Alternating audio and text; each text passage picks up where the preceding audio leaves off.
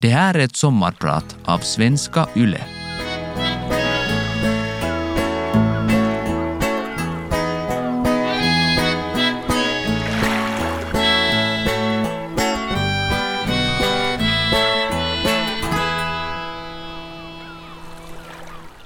Det är år 2015. En lysande klar septemberförmiddag i Tenala. Jag försöker besluta mig för någonting. Jag har inte sovit. Jag går ut på gården för att städa undan sommarsaker. Går in igen. Börjar sortera dagstidningar.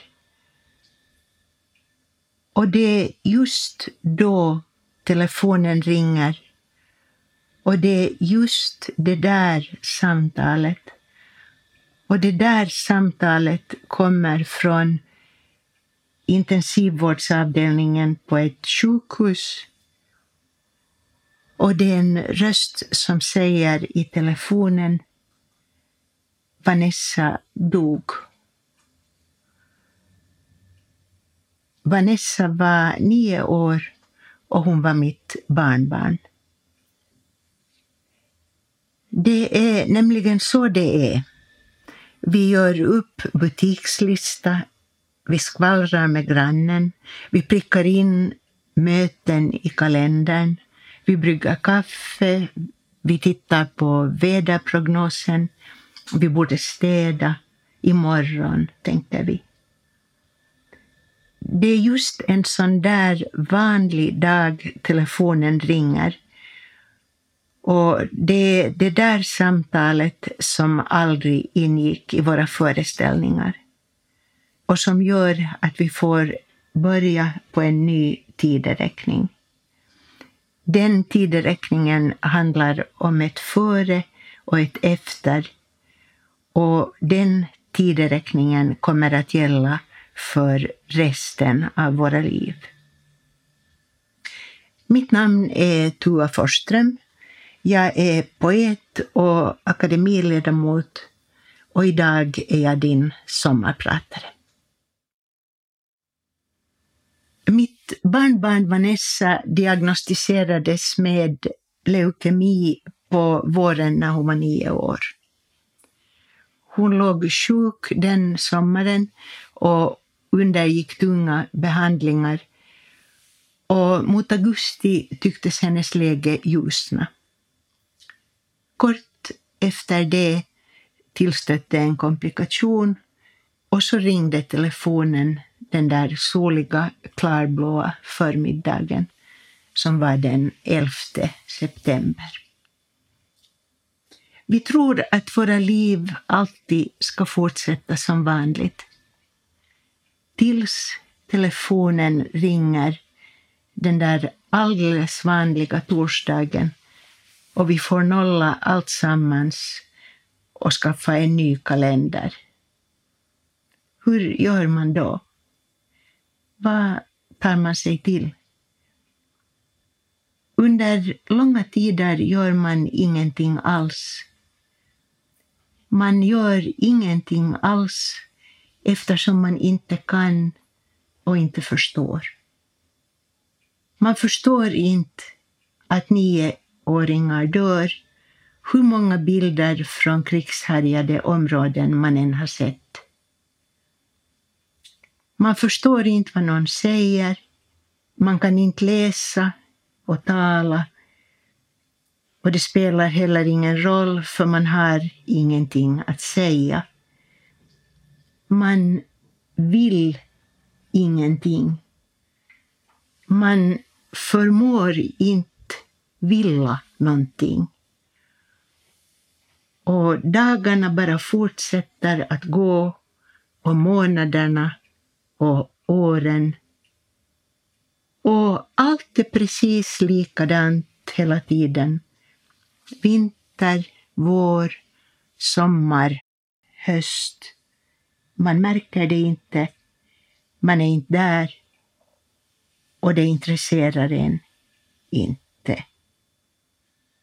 Men en dag blir overksamheten så outhärdlig att man tar en oväst blyertspenna och skriver någonting på första bästa tidningskant. Det är ord som inte betyder någonting alls och handen skakar så att det inte går att läsa heller. Men det är ändå några bokstäver på ett papper. Det är något slags brev man försöker skriva fastän det inte blir någonting annat än rodd på den där tidningskanten.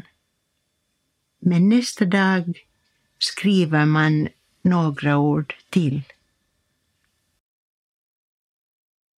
För kanske 30 år sedan läste jag i lokaltidningen Västra Nyland en artikel som jag klippte ut och sparade. Det var en intervju med en man som hade jobbat som rörmokare.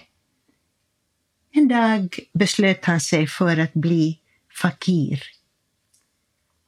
Han berättade för reportern att han hade tillverkat en matta av spik och glasskärvor och så satte han igång med att öva. Det gick långsamt, det tog tid och det gjorde ont. Men han lärde sig. Han tog ett anslående artistnamn med tradition, Houdini om jag minns rätt, och nu turnerade han med en cirkus. När reportern förundrade sig var fakiren Houdini oförstående. Det handlar ju bara om att vilja någonting, sa han. Man måste vilja någonting och mena någonting. Konstigare än så var det inte. Visst, klart att det hade gjort ont. Det gjorde fortfarande ont ibland. Men han övade lite i sänder. Det gick långsamt. Ja, men det fick ta tid. Den där intervjun med fakiren Houdini har kommit för mig då och då under åren och till sist blev det en dikt av den. Handlade Houdinis projekt inte om att besluta sig för att modigt ta sig igenom en egen smärtpunkt, i det här fallet med hjälp av glasskärvor och spik. Fakiren Houdini hade fattat att det finns saker i livet som fortsätter att göra ont så länge man försöker kringgå dem. Och han talade om långsamhet och om att öva och att vilja någonting och mena någonting. Nu tänkte jag plötsligt vid minnet av den där intervjun att det kanske går att öva sig också i att återerövra sin vilja och en känsla av mening. Kanske det gällde att fortsätta skriva oläsliga ord på tidningskanter och lappar. Kanske de där bokstäverna till sist skulle kunna börja betyda någonting så som de hade gjort förr. Alltihop kändes bara så övermäktigt.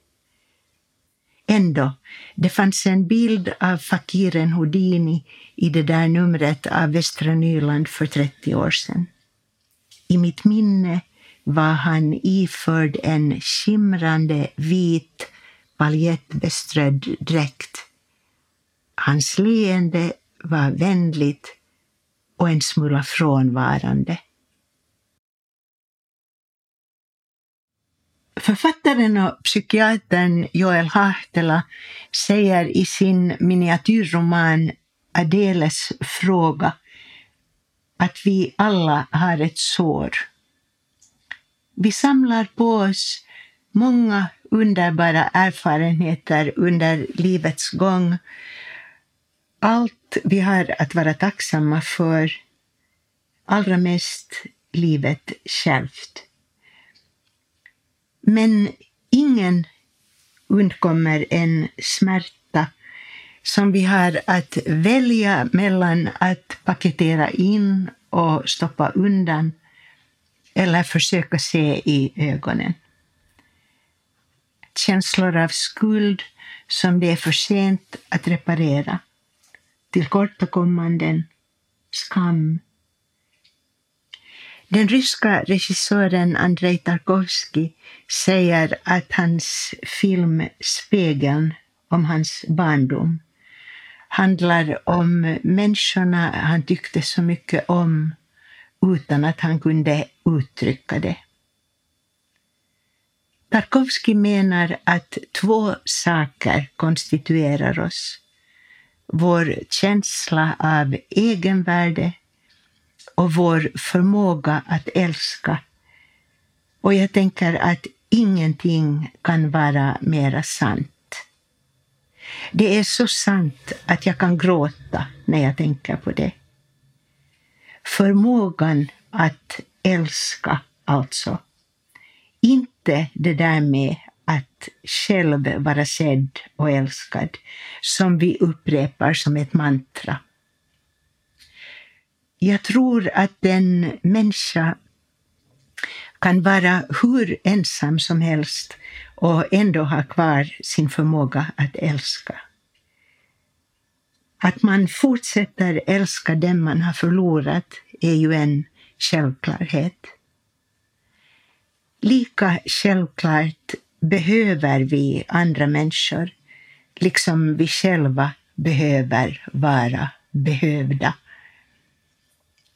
När man blir övergiven, och det blir man ju vid de livsavgörande förlusterna, kan man uppleva det som om man också rent fysiskt försvann.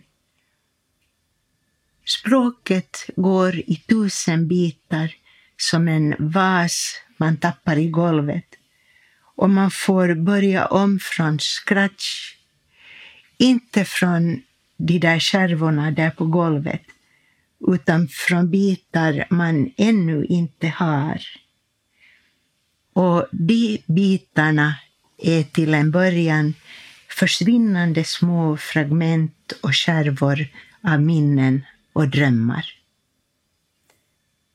Mitt namn är Tua Forsström och idag är jag din sommarpratare. Minnet förändras ju i rasande takt. Både vårt sätt att minnas och det vi minns. När vi blir äldre faller stora områden av livet i glömska. Ja, åtminstone för mig. Och allt ljus faller på vissa enskilda händelser med en sån styrka att de nästan hotar att blända en. Jag tycker att man uppfattar saker väldigt tydligt retrospektivt. Lite som när man efter en lång tid läser en bok på nytt. Man ser sammanhang och förbindelser tydligare. Jag tror att vi alla så gott vi kan söker lite ordning och reda i våra erfarenheter trots att tillfälligheterna spelar en så överväldigande stor roll i våra liv. Och i drömmarna kan vi hoppas att återse dem vi längtar efter, både levande och döda. Ibland gör vi det och vaknar lyckliga. När jag läser och skriver dikter upplever jag allt mer att jag umgås lika mycket med levande och döda. Det är väldigt självklart för mig och inte det minsta konstigt. Dikten är ett märkligt rum i den meningen att levande och döda är lika närvarande och samsas på alldeles lika villkor.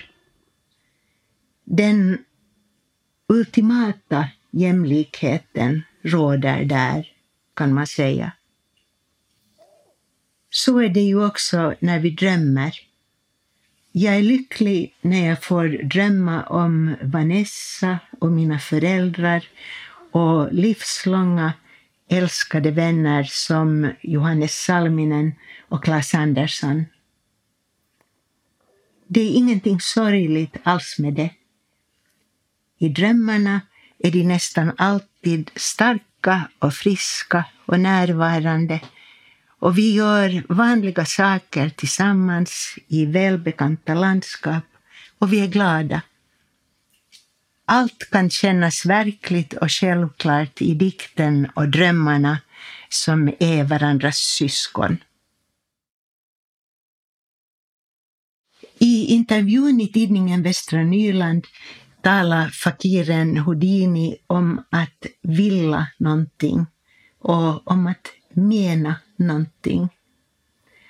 Att mena någonting måste innebära en ansats, att man vänder sig till någon annan än sig själv.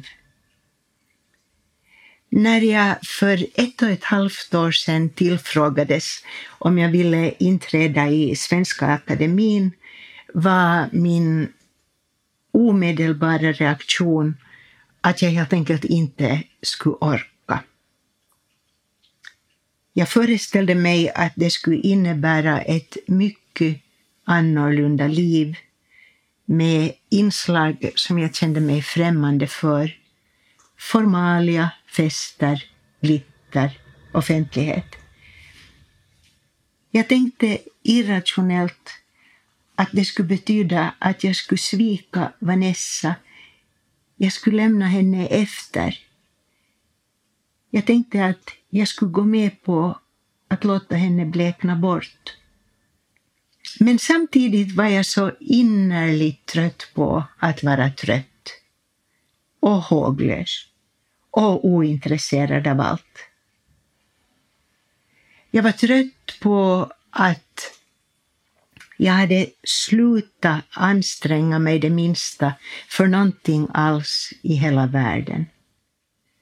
Jag var inte längre hemma i litteraturen på det självklara sätt som jag hade varit ända sedan jag var liten och hade lärt mig läsa. Det fick räcka med dagstidningarna. Och nu stod jag plötsligt där med anbudet om akademin. Frågan löd ju egentligen, hur ska du ha det? Vill du tillbaka till språket och böckerna eller inte?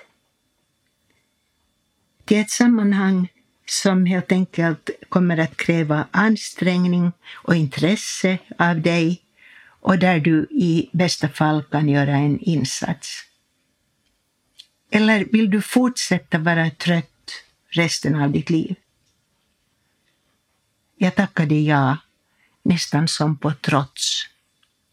Och det har jag inte ångrat. Vid det här laget vet jag också att akademin innebär vardag och arbete snarare än fest och att där råder ett vänligt och uppmuntrande kamratskap. Det var en chock och en djup bedrövelse i Svenska Akademin när Kristina Lugn gick bort i våras. Hon var en bländande och motsägelsefull personlighet, ironisk och varm med sitt trassliga röda hår, genialisk och deprimerad och uppsluppen, allt på en gång.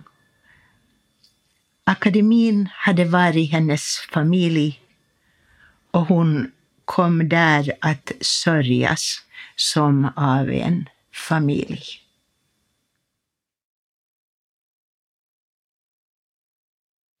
Om att lära sig och inte glömma. Jag gick in genom dörren och klädde av mig så mycket som jag trodde hörde till. Ifall ni tatuerar så här gamla människor, sa jag. En legitimation.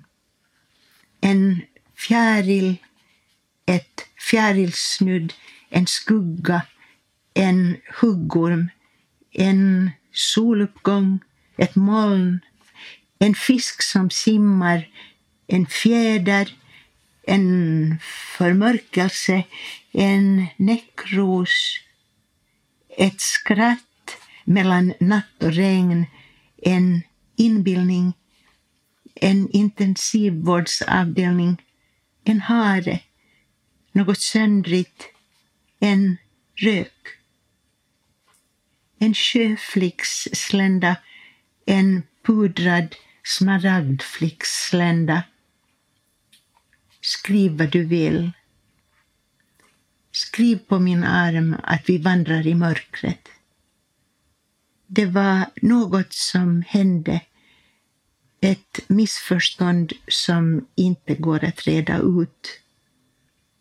Vi söker varandra i världen i den tysta motståndsrörelsen. Ett kännetecken bara, på min vänstra underarm förkortat ett namn. Ja, så gick det till när jag beslöt mig för att ta min mycket lilla tatuering som består av mitt barnbarns smeknamn. Det hade någonting att göra med att lära sig och inte glömma. Det är augusti nu med dagg i gräset om morgnarna. Vassen har brett ut sig och blommar med sina bruna vippor. Kvällarna mörknar redan och tidiga morgnar står det en lätt dimma över viken.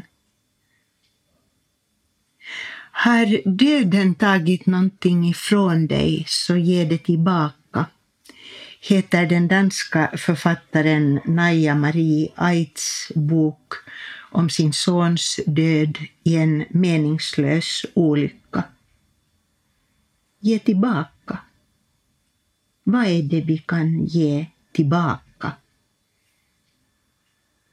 Jag tror att det är någonting med att försöka sätta kärleken i omlopp och ge den vidare och att också låta oss själva förändras.